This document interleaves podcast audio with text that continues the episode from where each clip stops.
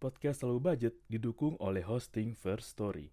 First Story adalah platform hosting yang lengkap, praktis, dan mudah digunakan untuk membuat, mendistribusikan, dan mengelola podcast kamu. First Story 100% gratis. Kamu bisa atur jadwal podcastmu kapan aja, dan kamu bisa distribusikan podcast kamu di semua platform hits podcast di Indonesia. First Story punya fitur keren yang bisa membuat kamu lebih dekat dengan pendengar kamu loh. Sudah penasaran belum sama First Story? Eits, ada lagi nih. Dengan First Story Ads, kamu bisa monetisasi podcast kamu juga. Menarik bukan? Gapai potensi maksimal podcastmu dengan tools dari platform hosting terbaik untuk para podcaster. Daftar sekarang di First Story. Mari bawa mimpi podcastingmu menjadi kenyataan.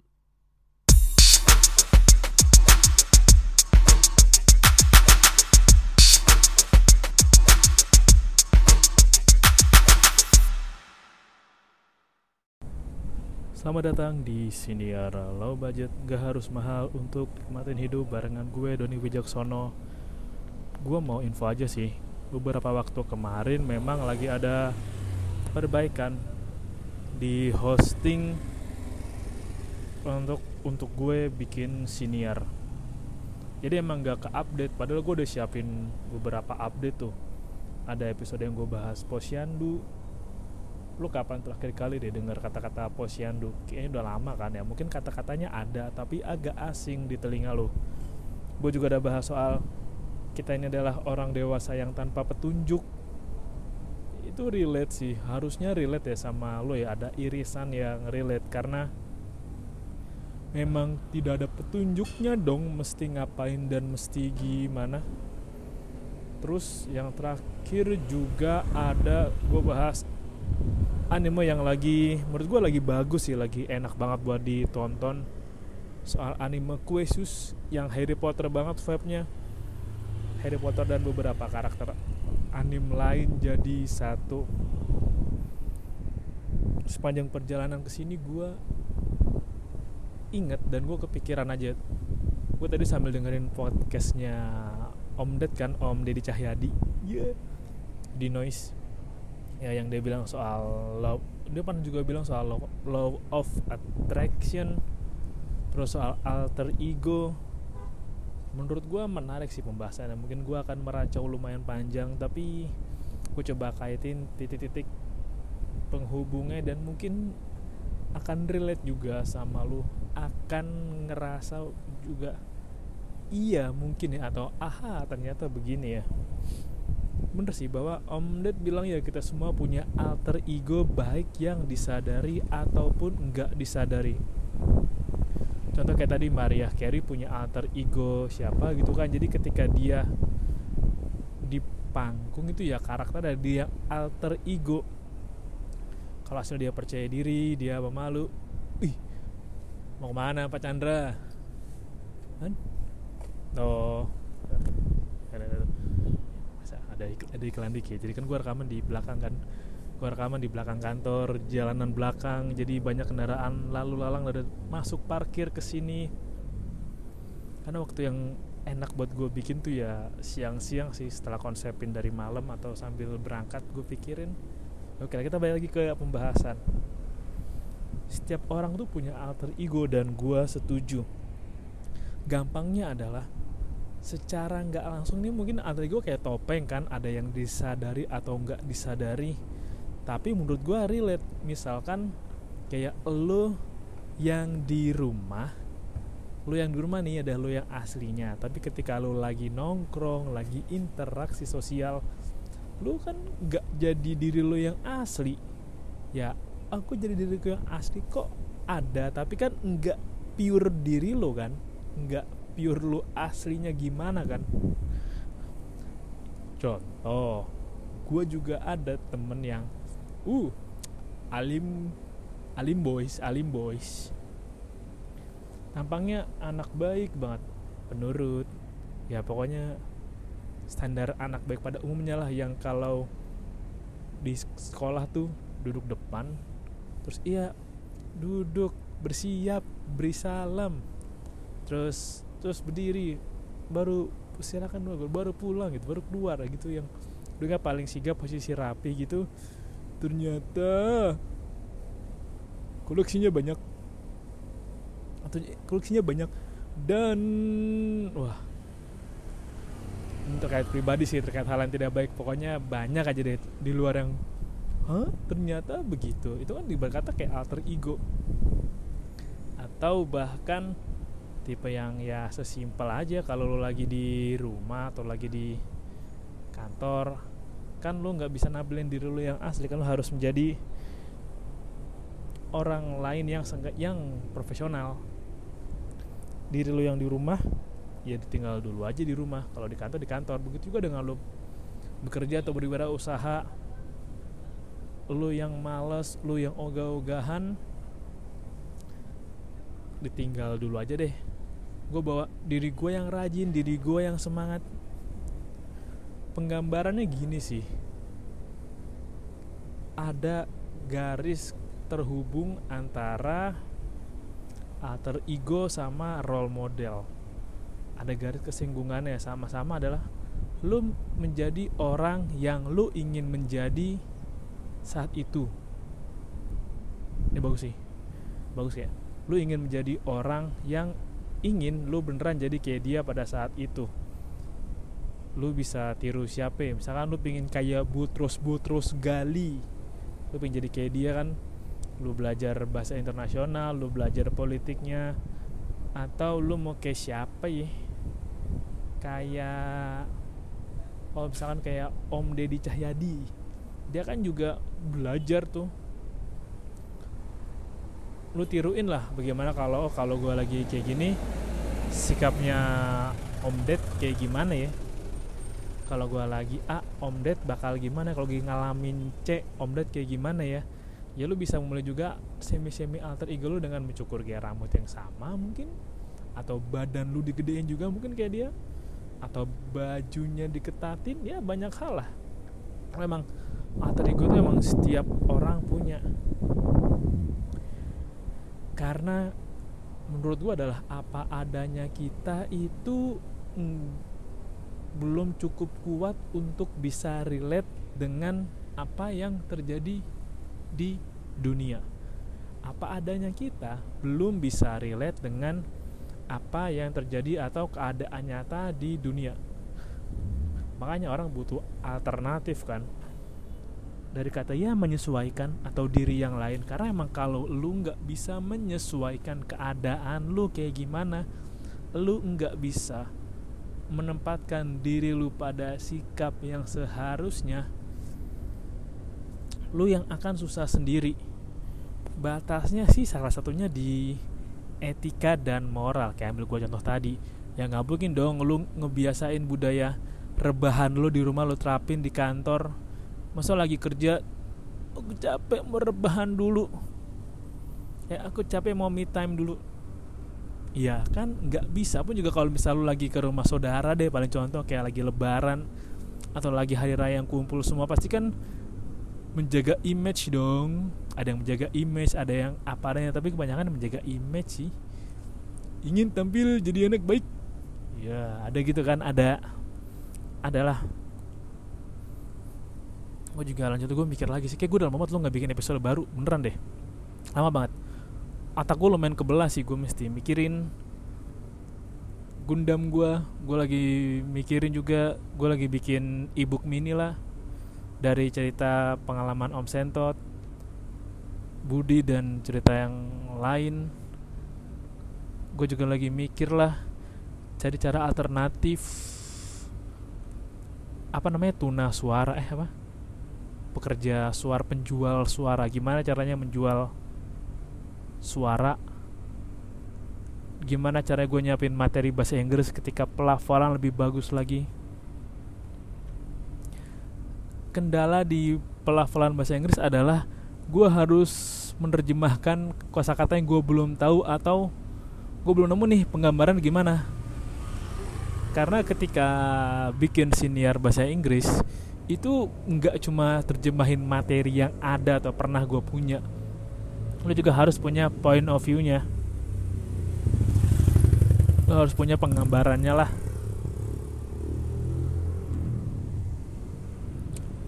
lo harus punya rekaan ini mereka tuh cara berpikirnya A, cara berpikirnya B. Mohon maaf kalau suaranya rame. Karena emang siapa yang mau dengerin apa yang terjadi di negara aktivitas harian lu di sini ya lu menyesuaikan dengan mereka lah. Kecuali lu punya titik jual yang menarik yang bikin mereka wah seru juga nih dengerin cerita dia nih. Gue iseng-iseng sih iseng-iseng lihat chart podcast luar. Hmm, masih sulit dimengerti. Masih garis penghubungnya masih sangat tipis sekali dan gue karena gue meracau suka-suka gue lah ya. Tapi tadi gue berpikir sih gue punya mimpi yang besar. Dengan apa yang gue lakuin gue punya tujuan yang besar. Gue tahu bahwa dengan badan gue yang kecil gini tapi gue punya mimpi yang besar maka ya gue perlu energi yang super besar untuk bisa dorong gue maksa gue terus maju pelan-pelan ke titik atau arah yang gue mau.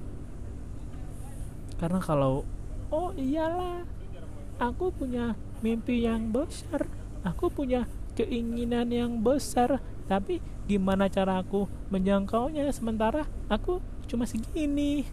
Ya ibarat kata kalau lu mau gerakin lu mau mindahin gedung deh tapi fisik lo ya segua ya nggak bisa dong kecuali lu berubah jadi Godzilla atau Ultraman. Kecuali lu punya kekuatan segede Godzilla atau segede Ultraman atau sekuat Saitama ya barulah lu bisa mindahin gedung. Karena kan emang salah satu cita-cita lu contoh kata mindahin gedung kan ya lo otomatis harus punya kekuatan yang bisa buat lo mindahin gedung itu. Nggak mungkin lo sekarang mau lu dorong diri lo kayak apa juga mau lu kayak warga bikini Batam yang berusaha mindahin kota juga. Kalau emang lu nya nggak punya kekuatan yang lebih besar untuk tujuan lo ya lo di situ aja lo cuma bisa melamun. Memang sih melamun gratis melamun itu free.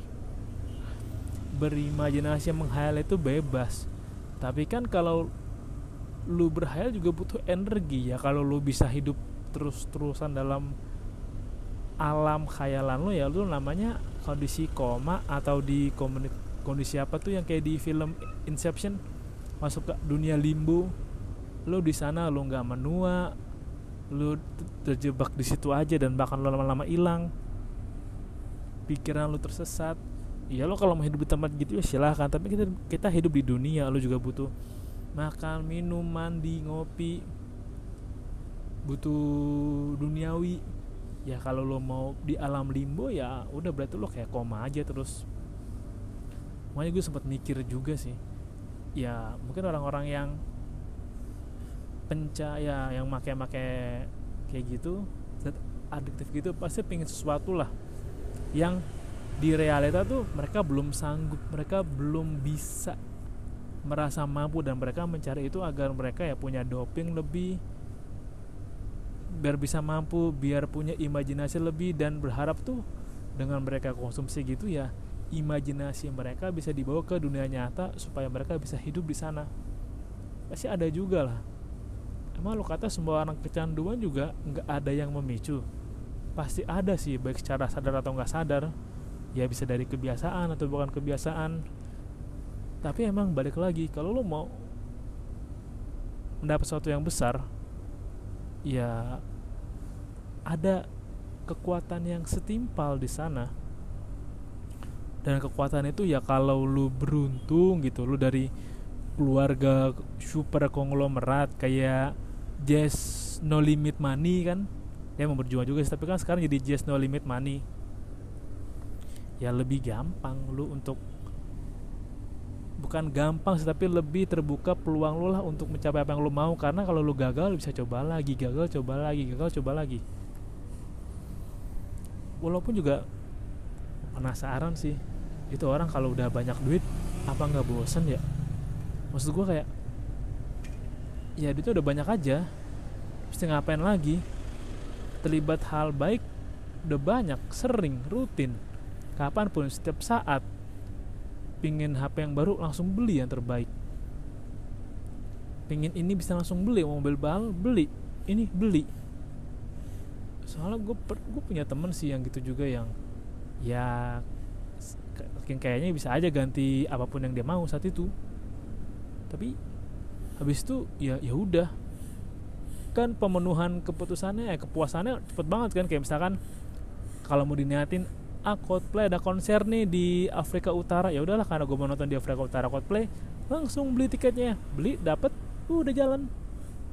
Terus ya udah mungkin memang yang bikin seru yang bikin ceritanya berkesan dalam hidup lo adalah perjuangannya.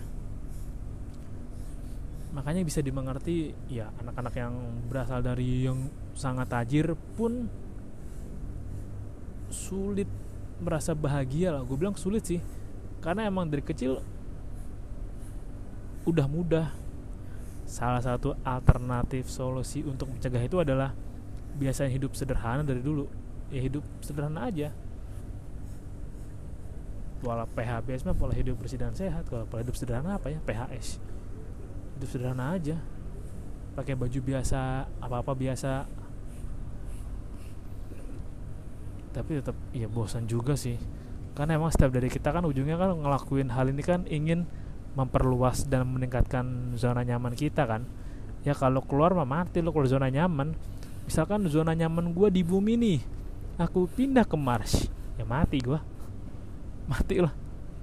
Yang adalah memperkuat memperlebar memperlebarkan aku punya hidup yang baik di bumi. Kalau mau hidup ke Mars maka siapin juga infrastrukturnya bawa mobilnya perlengkapan makan mah di teman-temannya. Kalau hanya keluar doang mah ya lu hanya bawa diri lu aja. Lu nggak bawa serta merta apa yang ada di belakang lu dan apa yang menjadi penunjang zona nyaman lu di sini